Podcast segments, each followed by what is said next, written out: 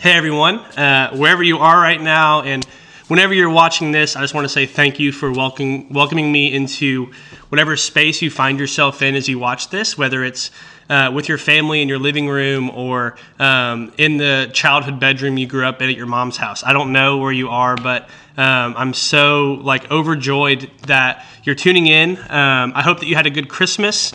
And um, I just want to let you know that this teaching is recorded with the intention of being watched on Sunday, December 26th, 2021.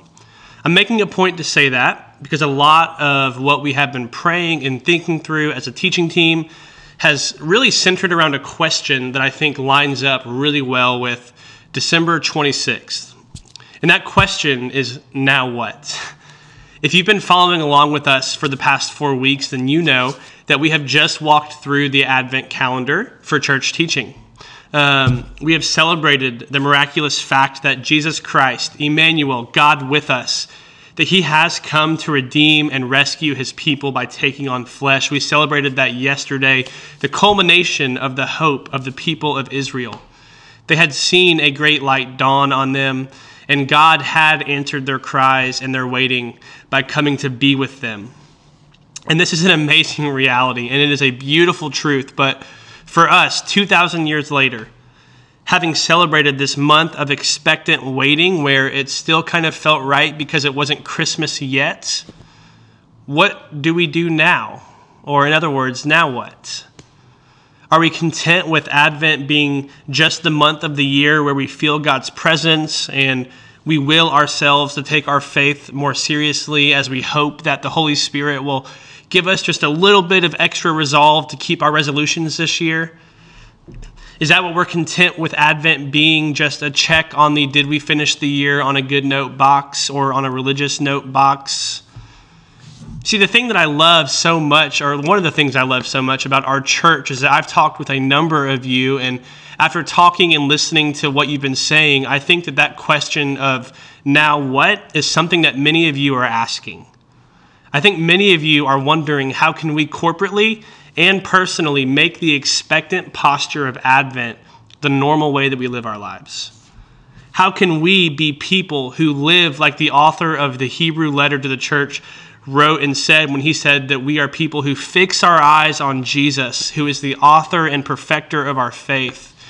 And how can we be people who, while we wait, lay aside all of the sin that so easily entangles us, and we can be people who run the race of faith well? How do we continue to actively wait and prepare for Jesus to do what he has already done before as we wait for him to come again? I love that you're asking those questions. I am so encouraged by your desire to follow Jesus well. I just want to affirm that in you. That I see a deep desire to be people of love. I see a deep desire to not let Advent be simply um, that checked box that we talked about earlier. But how do we wait after the waiting? What does waiting look like for Christians this side of the resurrection of Jesus, knowing that one day all will be set right, but for right now, all we have is the presents we opened on Christmas and nothing that we're really tangibly waiting for like we were. I want to read Psalm 1 for you this morning. Not as a literal reading, I don't think that um, it's good to read Hebrew poetry literally, um, but I think that it's something that will guide us into a beautiful truth that the author wanted the reader to consider and to understand. So listen to this from Psalm 1. The truly happy person doesn't follow wicked advice. They don't stand on the road of sinners and they don't sit with the disrespectful. Instead of doing those things, these people love the Lord's instruction and they recite God's instruction day and night. They are like a tree planted by streams of water, which bears fruit at just the right time and whose leaves never fade. Whatever they do succeeds. That is not true for the wicked. They are like dust that the wind blows away, and that's why the wicked will have no standing in the court of justice, neither will sinners in the assembly of the righteous. The Lord is intimately acquainted with the way of the righteous, but the way of the wicked is destroyed. See, most translations of this passage, they say that the righteous people are the people who meditate on the law. For the Jewish people, the Hebrew people, um, meditation literature was a big part of their lifestyle. They would say things or recite things to themselves from the scriptures the Torah over and over and over so that it became ingrained in them. And I want to be quick to note here that ultimately I think Jesus is the fulfillment that Psalm 1 talks about, that Jesus fulfills Psalm 1, and we can never truly be that perfectly like Jesus was. So I don't want you to hear me saying um, you need to meditate on the law 24 7, and if you ever stop, you're a sinner or anything like that, because that is not what I think is on offer. But it is important for me to note that I am saying what you think I'm probably saying. Or, in other words, I think a huge part of waiting after the waiting is learning to meditate on the law and the ways of God as frequently as we possibly can.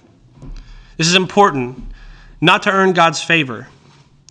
It's not to be legalistic, but it is because that as we meditate on the law of the Lord, as was done by the ancient Near Eastern men and women who handed down our faith to us, as we do that which those who went before us did, we begin to become people who are holy. We begin to become people who walk in righteousness and who avoid the paths of the wicked. I think a 21st century understanding of these practices and what they did would be a lot like what Father Al taught us a couple weeks ago. That these things literally reform our neural pathways so that our brains automatically respond to situations in faithful trust and obedience to God's good vision of life. See, I think if we do this, then love, peace, hope, joy, all these things, they are not necessarily things that we have to choose, but they are more so the people that we have become through the actions of meditating on the ways of the Lord and letting them shape us to God's good and beautiful vision for life. We don't have to choose compassion for the broken over judgment and ridicule anymore. We don't have to choose generosity over materialistic selfishness. We don't have to choose to honor our neighbor in love over ourselves because those are simply the people that God has made us into. And I think that the way that we as a church have chosen to do this is a way that some of the earliest Christians practiced. Matt talked about it um, on December 12th, but it's something we're going to try. And that is the practice of meditating on and immersing ourselves in what are called the Psalms or the Songs of Ascent. These are 15 Psalms, Psalm 120 through Psalm 134, that were likely sung in succession by the Hebrew pilgrims who would make the um, trip to Jerusalem three times a year. If you want a fun little historical biblical fact, the, uh, the three trips were for the Feast of Passover, the Feast of Pentecost, and the Feast of Tabernacle. And um, if you don't know anything about Hebrew or ancient Near Eastern geography or topography, then um, Jerusalem was likely the highest altitude place in Palestine. And for these Hebrews, they viewed that as extremely important because they believed that this was the closest thing to God's presence. See, they believed that God was transcendent or above or higher than their ways. So, marching up the mountain to Jerusalem in their minds was figuratively and literally marching up towards the presence of God. Now, it's important to note that just because their understanding of God's presence doesn't look like it does to us 2,000 years later, that that makes any of this less true or less perfect in what it is seeking to accomplish for us as Christians 2,000 years later. I think what's important to remember is that for this group of people, this was about a pilgrimage towards where they were headed, and where they were headed was the holiness of God. And we too are headed towards the holiness of God as pilgrims through life. So they would sing these songs as they marched up the mountain to Jerusalem. And it was a beautiful thing as it literally formed their neural pathways into people of love and passion and hope and resolve in their lives. They would climb a mountain to remind themselves that as they await their ultimate destination, one they were traveling to right now in this very moment, that they would one day have communion with God in total holiness. And so these Psalms, they covered much of the Christian life and the Christian story. And these songs serve as what author Eugene Peterson called footprints. And I love that. He says that there's a big difference between footprints and monuments. Monuments are what you build when you say, look at how far we got. Footprints are a way of saying, This is where I was when God moved me to my next move. And so, eh, three times a year, every year, as they would march up the mountain to Jerusalem, they would say, Remember this. This is where we sang this song, and God reminded us of his faithfulness. This is where we were when God showed us our next move, and he kept us going forwards. And so, my prayer is that journeying through the Psalms of Ascent as a church following Advent will be a footprint for our church family. A way of saying, This is where we were when we continued to press forward in faith into the life that Jesus himself lived and the life that he invites us into. A life where we are people who are marked by radical love for others, even our neighbors. A life that is marked by a steadfast commitment to holiness and righteousness because we do not belong to ourselves. Our stories are not our own to write and work out for ourselves, but rather they are a part of the great story that God has been writing throughout all of history. And so, just like everyone who has come before us, I feel it is my job to tell you that this will not be easy. We are journeying on this endeavor together, and Jesus himself, having walked the terrain we are about to walk, and who promises to walk with us through it again, he's cared enough about us to tell us honestly that it's not going to be easy. This will not be absent of pain.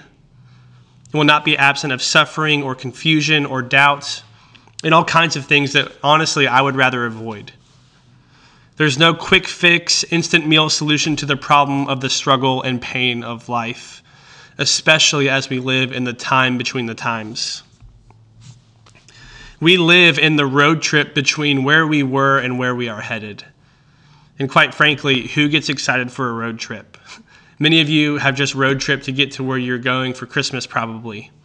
And if you get excited for a road trip, then I don't know what to tell you. Like, we probably should talk at some point. You need to share some tips because I am a serial distraction artist for myself.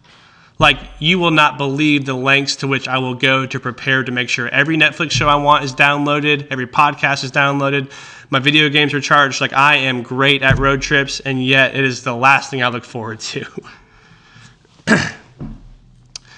See, I think when I think of road trips and the fact that we're headed somewhere, and that that's kind of what following Jesus is like in this time, is following someone on a road trip. I think of the story of the Good Samaritan.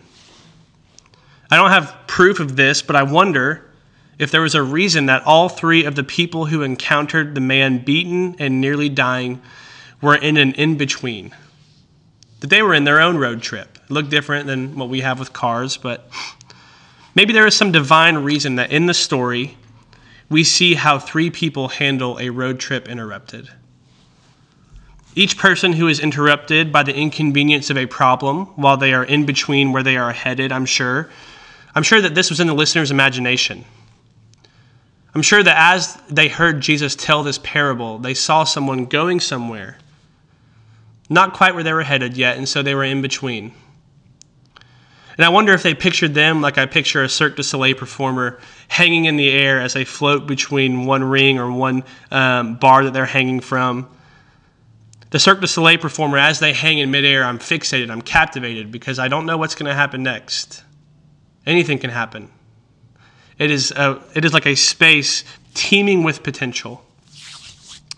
I wonder if the people who heard Jesus' parable of the Good Samaritan thought this as Jesus told them that um, a priest approached a man beaten and lying. See, anything could have happened here.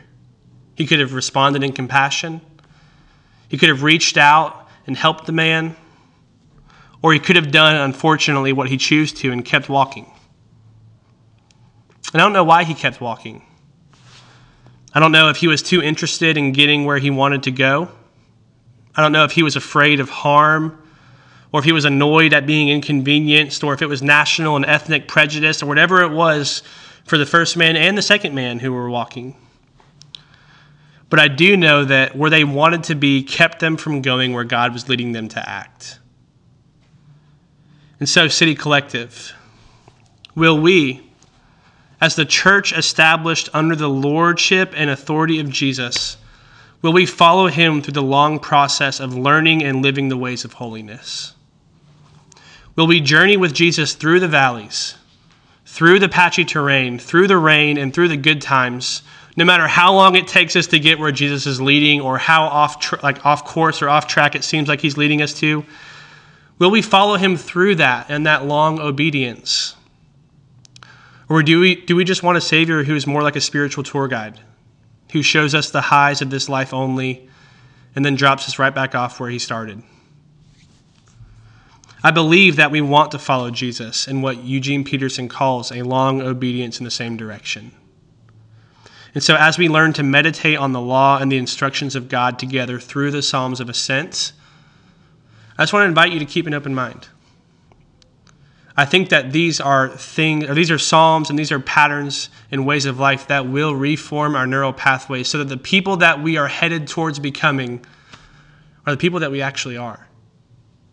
And I think God can do something in that. So, if you have communion this morning with you, um, and that's great you're an overachiever, I guess. Uh, if you don't, that's okay. Um, I want to go ahead and pray as we transition into your time of communion. Holy Father, um, God, I feel like I feel like it's like the night before, like a big adventure, that we are about to embark on a journey through um, psalms written for your people, recited by your people, inspired by your Spirit. God, I pray that um, that even though we know that this journey will be tiresome, that it will be exhausting, that it will be painful and difficult, and that we will surely wrestle with you along the way about which way is the best or the fastest to go. God, help us to keep in mind that like you don't get tired of us asking, are we there yet? God, that you are infinitely patient with us as we try to say that this way is actually a shortcut and we should go this way and avoid these things, or that doesn't look safe enough to travel through, so we should maybe turn back. But Jesus, you continue to invite us deeper and deeper. So I pray that as we wait after the waiting, that you would give us faith to continue to trust you, to keep following you, Jesus, even when it doesn't make sense. We love you. Bless our time of communion. Amen. Awesome. Um, you're dismissed to your communion. That is all we have for this video for this week, but we will be back online next week. So we hope that you tune in and join us as we start our journey through the Psalms of Ascent. Thank you. You'll have a blessed week.